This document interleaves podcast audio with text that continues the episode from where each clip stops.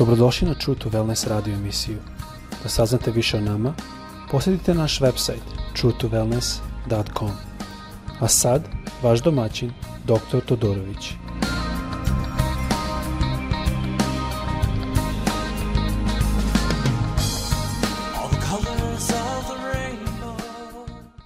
Ljubazni, dobrodošli na naš podcast. Ovo je sada deo 2 da gledamo na Isusovo iskušenje, kad je bio, kad ga je Duh Sveti odveo u pustinju da ga đavo iskuša. Ovde u Matej, Mateju četvrta glava, odpočeši sa prvim stihom, a se vide u stvari tri kategorije iskušenja. Prošli put smo govorili o prvoj kategoriji, što je bilo iskušenje sa osjećanjima ili telesnim potrebama. Naime, Isus je bio, kao što smo rekli tada, a, postio je 40 dana i noći i ogladnio je. Ne znam e, kako kod vas, ali kod mene svakako bi uzelo prilično manje nego 40 dana i noći da je ogladnim. Tako da ja e, sad divim da je naš gospod e, toliko dugo postio, ali on je ipak ogladno na kraju zato što je bio u fizičkom telu. I kušač mu je došao ne na prvi dan, ne na treći ili deseti dan, nego četrdeseti dan kad je ogladno i ponudio hleb. I o tome smo govorili u prvoj epizodi. To su te kušnje koje su e, se rade o našim fizičkim potrebama, o našim udobnostima. Um, nažalost, ovde u Americi mnogo puta ako odete u crkvu morate pasti da, paziti da ne sednete na nečije mesto da je neka navika, inače to može da prilično promeni njihovo o, o, raspoloženje, da kažemo.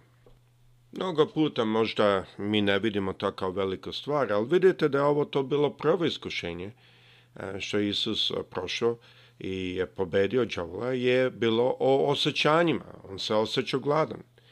Drugo iskušenje što govorimo sada u ovoj epizodi, zato bih vas zamolio dok bude bila pesma, koju ću ja sada da pustim, e, zamolio bih vas da pronađete u vašim Biblijama Mateju četvrta glava, ako imate priliku, i počećemo sa a, petim stihom. Znači, Matej četvrta glava, počeši sa petim stihom. A do tada, ajmo slušati ovu pesmu, mislim da je divno otpevala i mislim da će nam biti na blagoslov. My Jesus.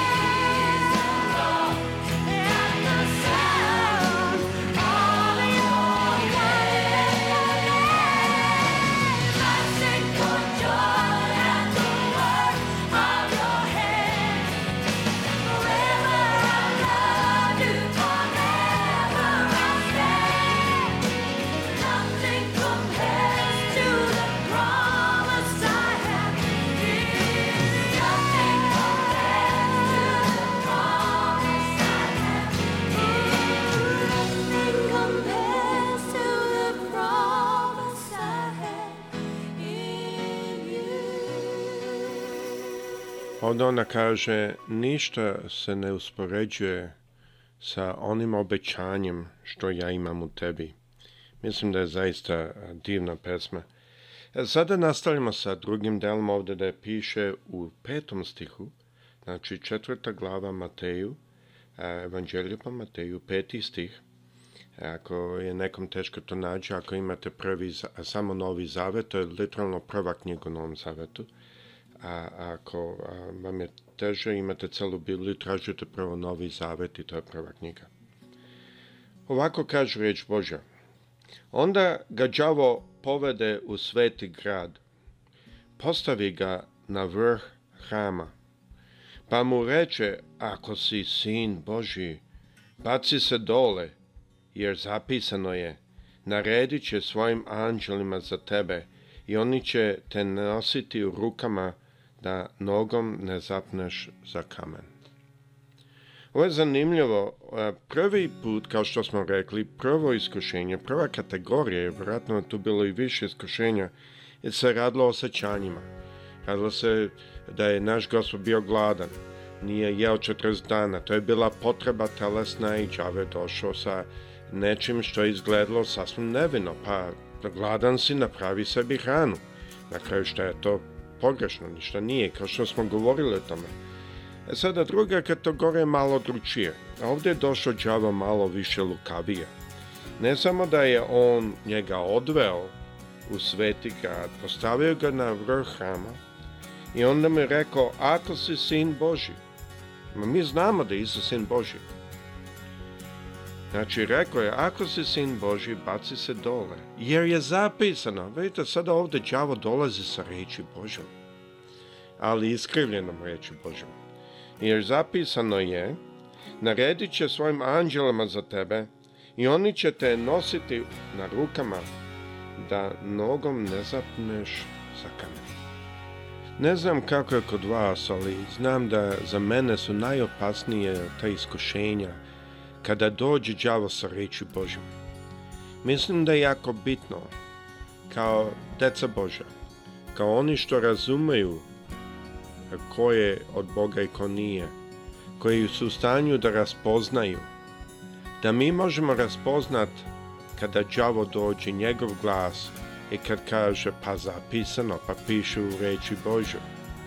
Ima ovde puno situacija gdje hrišćani se ratuju maltene između sebe, zato što jedan razume reč na ovaj način, a drugi na onaj. Zašto? Pa zato što je đavo došao i rekao, pa pisano je, napisano je, evo vidiš ovdje. A ne svačuju da je izokrenuto ono što je napisano. O čemu se ovde radilo? Ovde se radi o statusu. Ovde se radi, đavo je došao i rekao je, ako je ovo tvoj status, onda dokaži to. Mi smo to videli jako puno ovde u Americi, ta borba o statusu. A kad je COVID došao, ova bolest kad je naišla, mnogi su rekli, a to neće hrišćani. To neće hrišćani, hrišćani to neće, jer mi smo sveti, jer na nas ne dolazi gnjev Boži, jer mi smo čisti, jer mi smo, mi smo, mi smo, i tako dalje. To je sve pozicija statusa. I bilo je puno situacija ovde da su ljudi, na primjer, hteli da se sastaju e, u crkve, da idu, ali nisu hteli da nose masku, da pokriju lice. Iako u starom zavetu Mojsije je upravo rekao, ako neko ima bolest, da pokrije donji deo lica, ako gledate u, u trećoj knjizi Mojsije, naći ćete to. Znači, mnogi su rekli, pa ne, ja, imam ja pravo da idem u crkvu, zašto ću ja stavljati to? Ali na taj način mi zaštićamo jedan drugog. Na taj način mi čuvamo jedan drugog. Znači, u čemu je ovde konflikt? Konflikt je između mog statusa.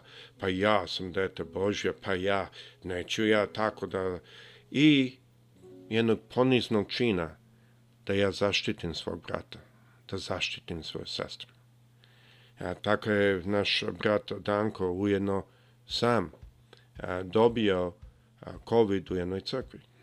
On je e, razmišljao da uzme vakcinu i sad neću ulaziti u to jer prošla je sa stvar, ali je razmišljao i baš me je pitao više puta vakcini, ali malo se ustručavao jer čitao neke stvari, neke opasnosti takozvane na YouTube-u koje nisu što istinite bile. I ustručavao se i otišao na jednu službu, neću sad kažemo koju crkvu, nije bitno, i došao kući i donio je COVID i njemu i njegovoj ženi. Njegova žena je prošla kroz bolest, ako što znate, on nije. E sada, u toj celoj stvari vidimo da mi moramo jedan drugog zaštititi. Znači, mi nismo iznad ovog sveta. Naš status kao deca Božja ne diže nas da mi sada možemo nešto specijalno da hodamo. I to je u stvari o čemu se radilo ovde. Ovdje je đavo došao u smislu s jednim ponosom. E, pokušao je da prevari naše gospoda tako da kaže pa ti si dete Bože, pa ti ako skočiš odavde Pa pisano da ćete anđeli i da, pisano je, ali isto što Isus rekao je ne iskušavaj gospoda svoga Boga. Jer u sedmom stiku kaže, a ovo je zapisano i ovo je zapisano. Znači, Isus nije rekao da ono nije zapisano, ono je zapisano što je Ćao rekao a to je na, e, naredi čančilima svoje za tebe i oni će te nositi na rukama i na, da nogom ne zapneš za kamen. Ali Isus mu kaže ovako, i ovo je napisano, odgovor mu Isus, ne iskušavaj gospoda svoga, bo, Boga svog. E sada, zašto Isus to izna? Zato što on je u stanju da siđe tu sa te crkve, da kažem, na jedan normalan način. Ako smo mi u stanju da uradimo nešto na jedan normalan način, nemojmo da iskušavamo, da, da dokazujemo da smo mi specijalni. To je jako opasno, jer ne radi se o tome, mnogi ljudi kada kažu ne iskušaju Boga, oni govore o a, ne uzimaj rizik, ali neki put mi moramo uzeti rizik, neki put je to neophodno, ali ne smemo uzimati taj rizik zato da bi dokazivali sebi i drugima naš status. O tome se radi, zato što to dolazi od ponosa. Znači, druga vrsta kategorija ovde je naš status. Mnogo puta to se izražava u raznim stvarima. Mi vidimo, na primjer, kada ljudi idu u crkvu, pa onda neće sa drugima da govore neki komšija naiđe, možda malo prljavo, ono, u, pa gledamo ga nako dole. Zašto? Pa mi smo deca Božja, mi smo... To sve dolazi od ponosa. I zato je ovde Gospod pokazao nama ne.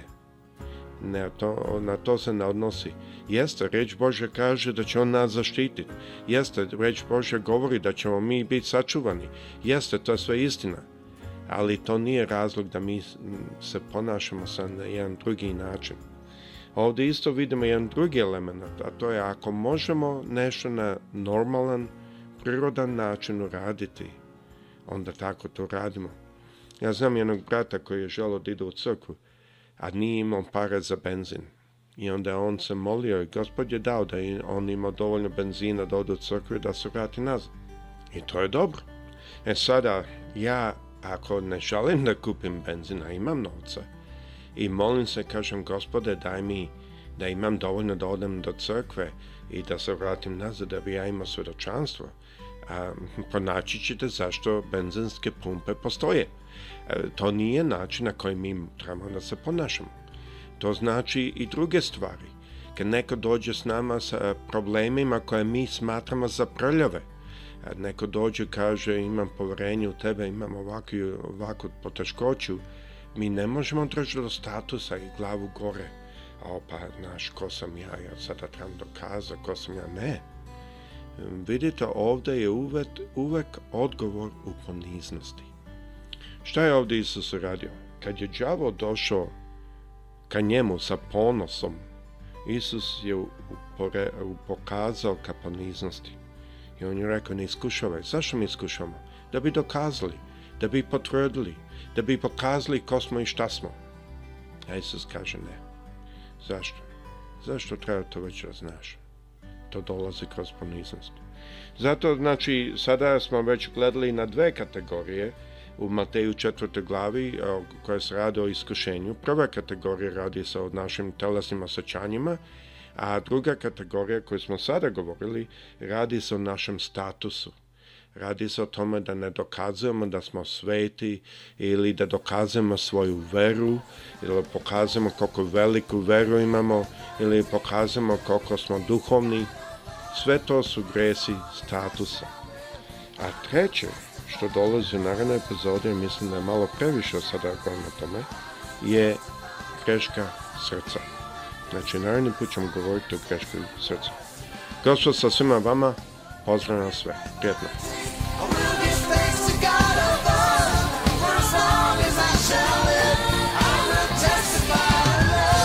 Slušate True to Wellness radio emisiju. Pridružite nam se ponovo svaki utorak i subotu.